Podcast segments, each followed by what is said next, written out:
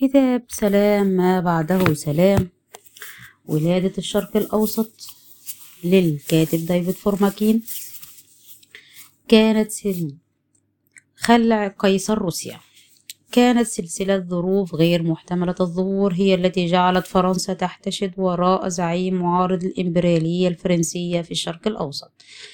وكانت سلسلة ظروف أشد غرابة هي التي جعلت روسيا أيضا تساق في الشهر نفسه خلف زعيم هو أيضا ادعى أنه معارض للإمبريالية الروسية في المنطقة.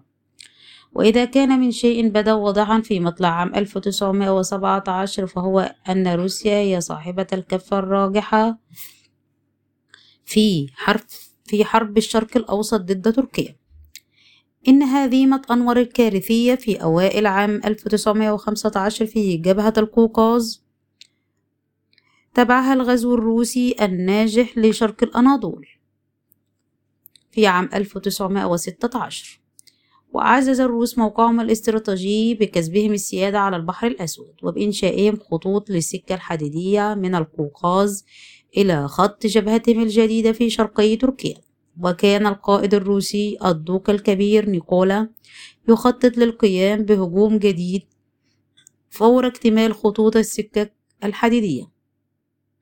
وقد ذكر ضابط ركن ألماني ملحق بالقوات المسلحة العثمانية أن هجوم الدوق الكبير كان من شأنه أن يؤدي إلى نصر تام وربما إلى إخراج تركيا من الحرب في صيف عام 1917 مع ذلك قال لويد جورج بعد انقضاء سنوات في بيان أمام مجلس العموم أن انهيار روسيا يعود بكامله تقريبا إلى الإمبراطورية العثمانية.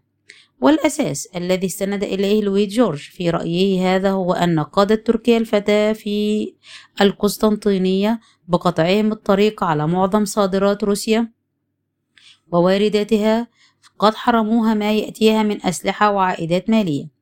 أما الذين يخالفونه الرأي فحجتهم أنه حتى لو بقيت طريق القسطنطينية التجارية مفتوحة فإن روسيا زمن الحرب بغياب ملاحيها على أراضيهم والتحاقهم بالجيش قل إنتاجها من المواد الغذائية وهبط عن مستواه المعتاد. وبالتالي قل ما تنتجه للتصدير كما أن حلفائها شح ما لديهم من الذخائر فلا سبيل لإمدادها بها. ولكن كلا الرأيين يقودنا إلى الحقيقة التناقضية الظاهرة ألا وهي انتصارات روسيا العسكرية على جبهة القوقاز كانت بمعنى ما غير ذات علاقة. لقد أصبحت الحرب الحقيقية سباقا اقتصاديا واجتماعيا من أجل البقاء. كان في مقدمة الذين فهموا هذه الحقيقة الصناعي الألماني فالتر راتيناو وقد نظم هذا الصناعي في عام 1914 قسما للمواد الأولية تابعا لوزارة الحربية في برلين مع أن الوزارة قابلته بالشك. ولذلك قدمت له سكرتيرا وغرفة صغيرة واحدة خلف مبنى الوزارة. وما أن حل عام 1918 حتى كان هذا القسم أكبر الوحدات في الوزارة. وصار يشغل عدة مجموعات من المباني وكاد يطغى على بقية الأقسام. وقد أدرك راتينا وببصيرته الثاقبة أن العمليات الحربية تمر بثورتها الصناعية وأصبحت مسألة تمويل ونقل وإمداد على نطاق ضخم. وبالتالي فإنها تتطلب مركزية في توزيع المخصصات وفي التخطيط والرقابة على الاقتصاد بكامله. وقد تعلم لويد جورج بطريقته البراغماتية أن يرى الأمور بالمنظار نفسه فطبق اشتراكية الحرب على الاقتصاد البريطاني. الذي كان حتى ذلك الحين يقوم على المشاريع الفردية. وعندما أوجد وزارة الذخائر في فندق مصادر لم تكن للوزارة هيئة موظفين البتة. ومع انتهاء الحرب كان عدد مستخدمي الوزارة قد بلغ 65 ألف مستخدم. وكانت الوزارة تمارس الإشراف على أكثر من ثلاثة أرباع مليون عامل. وانضم إلى قوة اليد العاملة عمال جدد بينهم عدد كبير من النساء. وفي روسيا كما في ألمانيا وبريطانيا أصيبت التبادلات الاجتماعية العنيفة والسريعة التي صاحبت الثورة الصناعية في زمن الحرب بالإجهاد عند وصولها إلى بنية المجتمع. وأجهدت بالتالي الأعمدة والدعائم التي لم يراعي في تصميمها أن تحمل وزنا ثقيلا. حدثت تبدلات في الأخلاق والسياسة وأنماط الاستخدام وأنماط الاستثمار وبنية الأسرة والعادات الشخصية. واللغة ويمكن أخذ فكرة عن ضخامة التبدلات من طول الدراسة التي أجرتها مؤسسة وقف كارنيجي وضمنتها مسحا أعدته بعد الحرب للتغيرات الاقتصادية والاجتماعية التي حدثت في 21 بلدا. لقد جاء هذا المسح في 150 مجلدا وكانت المتعلقة ببريطانيا وحدها تقع في 24 مجلدا. ثبت أن روسيا القيصرية من بين الدول الأوروبية الرئيسية المتحاربة في الحرب العالمية الأولى كانت الأقل قدرة على مواجهة هذه التحديات بسبب ضعفها في عناصر البنية التحتية. أنظمة النقل وأنظمة الاتصالات والصناعات الهندسية وأسواق رأس المال. هذه العناصر التي تصنع اقتصادا عصريا قادرا على التعافي وقابلا للتكيف. ولكن عجز روسيا كان أكثر من أي شيء آخر عجزا في القيادة.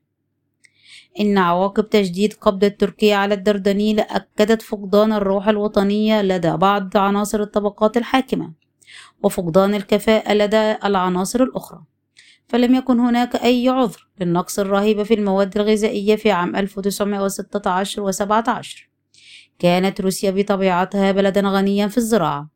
كان الفلاحون يمثلون 80% من عدد السكان وكانت الحبوب وحدها تؤلف نصف صادرات روسيا ومع أنه حدث هبوط في الإنتاج الزراعي بسبب انتقال اليد العاملة إلى الجيش كانت البلاد تنتج من المواد الغذائية أكثر من حاجتها.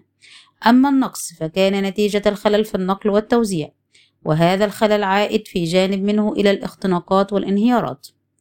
ولكنه عائد أيضا إلى مناورات متعمدة والمضاربات والاستغلال لجني الأرباح وتخزين السلع. لقد أهملت حكومة القيصر واجبها بإغفالها الحاجة إلى الضرب على أيدي المستغلين الذين زادوا حدة عواقب قطع تركيا طريق روسيا التجارية. ولم تفلح الإضرابات التي انتشرت في المصانع وبوادر الفوضى المالية في جعل الحكومة تتخذ إجراء لمعالجة الوضع. ومع حلول عام 1917 كانت الفائدة الجارية والمبالغ المستحقة المستحقة التسديد من الدين العام أكبر من مجموع إيرادات الدولة في عام 1916 وهذه الحالة من الإعصار المالي في البلد عالجتها الحكومة بطبع عملة ورقية فارتفعت الأسعار خلال سنوات الحرب بنسبة ألف بالمئة. كان وضع نهاية للحرب هو أحد السبل الواضحة للخروج من الأزمة وكانت الإمبراطورية العثمانية وألمانيا قد عرضت على روسيا عام 1915 حق المرور في الدردنيل إذا تخلت عن الحلفاء. واستمرت ألمانيا طوال عام 1916 في تقصي إمكانية عقد صلح منفصل مع روسيا. وقال بعض الناس أن العقبة كانت عدم استعداد قيصر روسيا للتخلي عن بولندا. بيد أن الوزير الروسي المفوض لدى السويد أوضح للألمان أن روسيا في رأيه الشخصي ستضطر إلى متابعة الحرب إلى جانب الحلفاء حتى تتسلم مفتاح البحر الأسود. بعبارة أخرى القسطنطينية والدردنيل. أما في ساحة القتال فكان جنود القيصر الجائعون المنهكون يكافحون من أجل البقاء على قيد الحياة. ولكن رد القيصر على المبادرات الألمانية أظهرت أن القيصر نيكولا الثاني ظل يعطي الأفضلية لطموحاته الإمبراطورية وفي المقام الأول ربما الاستيلاء على الدردنيل. إن تاريخ الثورات الروسية في عام 1917 الذي لا يزال يكتب والذي يبقى إلى زمن غير محدود ذا صلة بالوضع العالمي. لا يقع في نطاق الدراسة الحالية ولكن أحد جوانب هذا التاريخ هو موضع اهتمام هنا وسنتابعه في الصفحات التالية. مؤامرة تحسين خطوط لينين الذي كان مكهولا آنذاك. وقد حيكت خيوطها في الإمبراطورية العثمانية. خلال النهج الكارثي لاشتراك روسيا في الحرب الأوروبية أظهر المشرفون على الحكومة والمال والصناعة في روسيا أن مصالحهم متباعدة عن مصالح السكان عامة.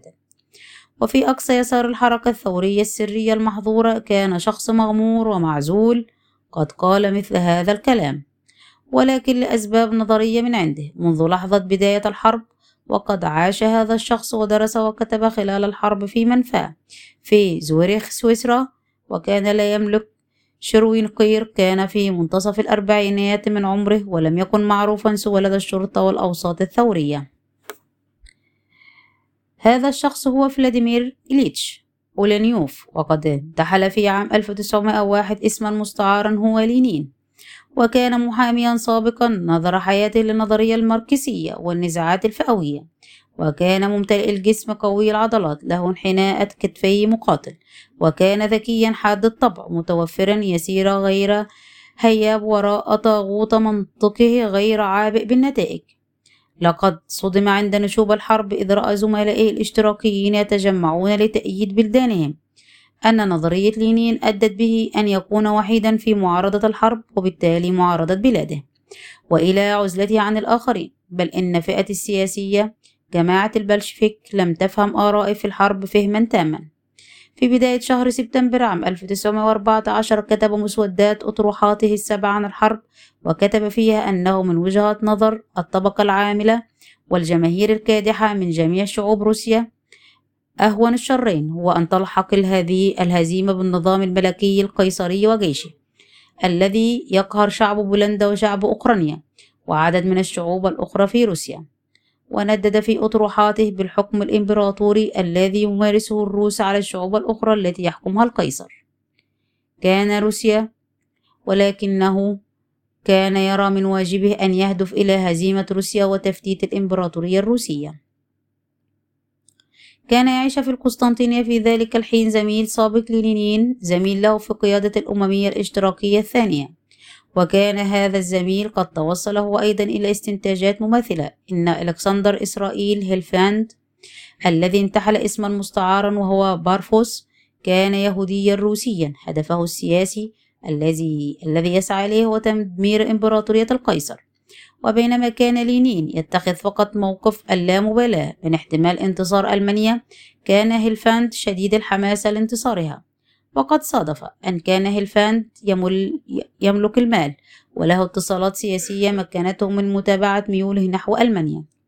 كان بارفوس من جيل لينين ولد هيلفاند عام 1869 ولينين عام 1870 وكان أحد الشخصيات الفكرية القيادية في الجناح اليساري للحركة الاشتراكية الثورية. وقد غادر روسيا إلى ألمانيا في مطلع التسعينيات من القرن التاسع عشر وصار له اسم بصفته منظما وصحفيا مناضلا إلى جانب روزا لوكسمبورغ اليهودية الألمانية البولندية المولد من أجل موقف ثوري محض. وفي السنوات الأولى من القرن العشرين أصبح هو موجه ليون تروتسكي. ثم أنه في عام 1905 أوجد ما أصبح يسمى نظرية تروتسكي عن الثورة الدائمة ولدى عودته إلى روسيا أبعد إلى سيبيريا ولكنه ما لبث أن هرب إلى أوروبا الغربية. غير أن شخصية هيلفاند بارفوس كان لها جانب آخر أخذ يظهر تدريجي تدريجيا. كان داعية يعمل في الظل وكان رفاقه المثاليون يرتابون في أنه يجني ثروة لنفسه. فقد سبق له أن أنشأ دور نشر القصد منها خدمة القضية الثورية. ولكن ظهر أنها تخدم مصالحه الشخصية بصورة أفضل. وكان لدى لينين وجماعته من البلشفيك من الأسباب ما يحملهم على الاعتقاد بأن بارفوس ابتز فيما عام 1904 مبلغ 130 ألف مارك نحو 30 ألف دولار. من عائدات أعمال أدبية كان الأديب ماكسيم غوركي قد تبرع بها للحزب الديمقراطي الاشتراكي وقد جابه بالأمر فكانت تفسيراته غير مقنعة. ثم أنه تخلى عن نشاطاته الثورية وعن أعمال دور النشر واتجه بكليته إلى أعمال تجارية متنوعة. وانتقل عبر فيينا إلى دول البلقان والإمبراطورية العثمانية. حيث أبدى اهتماما بحركة تركيا الفتاة. وأخذ يتاجر بالحبوب وسلع أخرى. ومع حلول عام 1912 كان قد أنشأ صلة وثيقة مع مسؤولي حكومة حزب تركيا الفتاة. وحصل بمساعدتهم على عقود لتأمين الإمدادات للجيوش العثمانية في حرب البلقان. وعندما نشبت الحرب العالمية الأولى في أوروبا نشر هيلفاند مقاله في الصحف التركية قال فيها ناصحا الحكومة العثمانية أن مصلحتها تتحقق بانتصار ألمانيا وعمل أيضا على إثارة الشعوب الم... الشعور الموالي لألمانيا في بلدان البلقان. وعندما دخلت الإمبراطورية العثمانية الحرب ساعد الباب العالي في الحصول على تموينات حيوية من القمح, من القمح والآلات اللازمة للسكك الحديدية. وكان ذلك بطبيعة الحال على أساس ضمان أرباح لنفسه. كما أنه قدم النصح إلى الحكومة العثمانية بشأن مختلف أوجه تعبئة اقتصادها للمجهود الحربي. كان هدفه تدمير حكومة روسيا. وصار منزلة في القسطنطينية ملتقى المتآمرين على القيصر. وقد تمكن عبر معارفه من ترتيب لقاء بينه وبين السفير الألماني في الإمبراطورية العثمانية. فاجتمع بالسفير فون فانغنهايم بتاريخ السابع من يناير عام 1915 وقال له إن مصالح الحكومة الألمانية متطابقة مع مصالح الثوريين الروس. وبعد يومين أبرق السفير الألماني بتقرير عن الاجتماع إلى وزارة الخارجية الألمانية وذكر في تقريره أن هيلفاند أبلغه أن الديمقراطيين الروس لا يستطيعون تحقيق هدفهم إلا عن طريق تدمير النظام القيصري الروسي تدميرا تاما وتقسيم روسيا إلى دول أصغر. واقترح هيلفاند أن تساعده ألمانيا في توحيد الثوريين بتنفيذ برنامج هدفه تقويض الإمبراطورية الروسية. أبدت الحكومة الألمانية على مستوى رفيع اهتماما باقتراحه. وفي نهاية فبراير عام 1915 توجه هيلفاند إلى برلين لمقابلة مسؤولين في وزارة الخارجية فطلبوا إليه أن يضع اقتراحه خطيا. وجوابا عن ذلك قدم إليهم في التاسع من مارس مفكرة تتضمن خطة واسعة لتقويض روسيا القيصرية عن طريق تشجيع الثوريين الاشتراكيين والقوميين. وقد تحدث إلى الألمان عن لينين وعن جماعته من البلشفيك وقال لهم إن لينين وبعض أتباعه موجودون في سويسرا وخصهم بالذكر باعتبارهم جديرين بالدعم الألماني.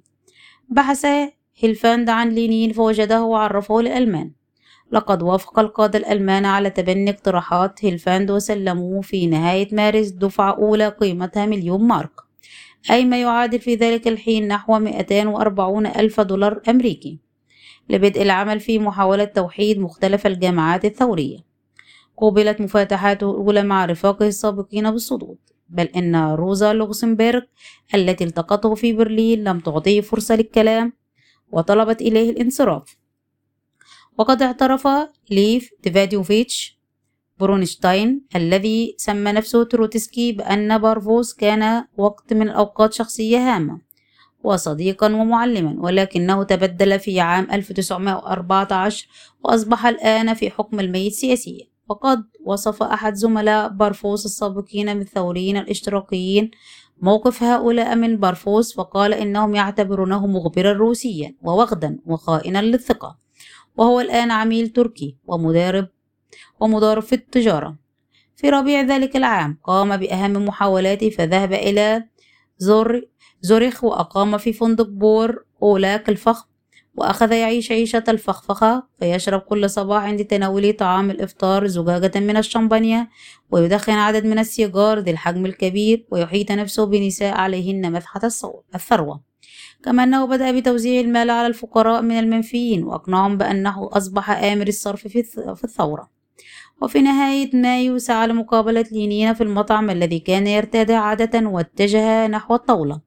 التي كان يجلس إليها لينين وجماعته لتناول الغداء وتحدث إليهم وصحبهم عندما عادوا إلى الشقة التي يقطنها لينين وهناك شرح هيلفاند مهمته وبعد أن أصغى لينين إليه اتهمه بأنه تحول إلى شوفيني ألماني وأمره بأن ينصرف وألا يعود إطلاقا. مع ذلك انصرف أحد أصدقاء لينين مع هيلفاند للشروع في وضع الخطة التخريبية موضع التنفيذ. واتفق على أن تكون ستوكهولم قاعدة لعملياتهم وقد استطاع لينين عن طريق صديقه أن يطلع على التطورات عند حدوثها. علاوة على ذلك قبل لينين والحزب البلشفيكي مالا قدمه هيلفاند عن طريق بولندي وروسي. عضوين في الحزب الديمقراطي الاجتماعي. وقد أنكر لينين فيما بعد حدوث ذلك ولكن مراسلاته تبين أن إنكاره لم يكن صحيحا. كان العمل التجاري الذي تظاهره الفند بأنه يمارسه هو إدارة شركة تجارية وفي الواقع عادت عليه نشاطات الشركة بثروة هائلة. فقد كان سرا ينظم العملية التخريبية ويصدر جريدة ثورية تمولها الحكومة الألمانية ولم تحقق الجريدة نجاحا كبيرا وحاول أن ينظم إضرابا عاما في روسيا حتى من دون مساعدة الينين والآخرين فحقق في ذلك نجاحا أكبر. صحيح أن الإضراب العام لم يحدث غير أن هيلفاند أنزل نحو 45 ألف شخص إلى شوارع بتروغراد وقد أصبحت العاصمة الروسية سانت بطرسبورغ تسمى بهذا الاسم منذ عام 1914 لكي يعلنوا احتجاجهم على الحكومة. غير أن هيلفاند ركز انتباه الحكومة الألمانية على أهمية لينين الخاصة باعتباره قوة مدمرة فاتخذ الألمان عن طريق عملاء آخرين ترتيبا لرعاية المنظر البلشفيكي وإقراضه مبالغ إضافية من المال. كلما احتاج دون أن تكون هناك ضرورة لأن يفصح عن مصدر المال. وهكذا أدخل هيلفاند صديق جماعة تركيا الفتاة الحميم الذي كان يتخذ من القسطنطينية قاعدة لنشاطه سلاحا جديدا وغريبا تستطيع به ألمانيا حليفة تركيا أن تحاول تحطيم العدو المشترك روسيا. انتهى التسجيل.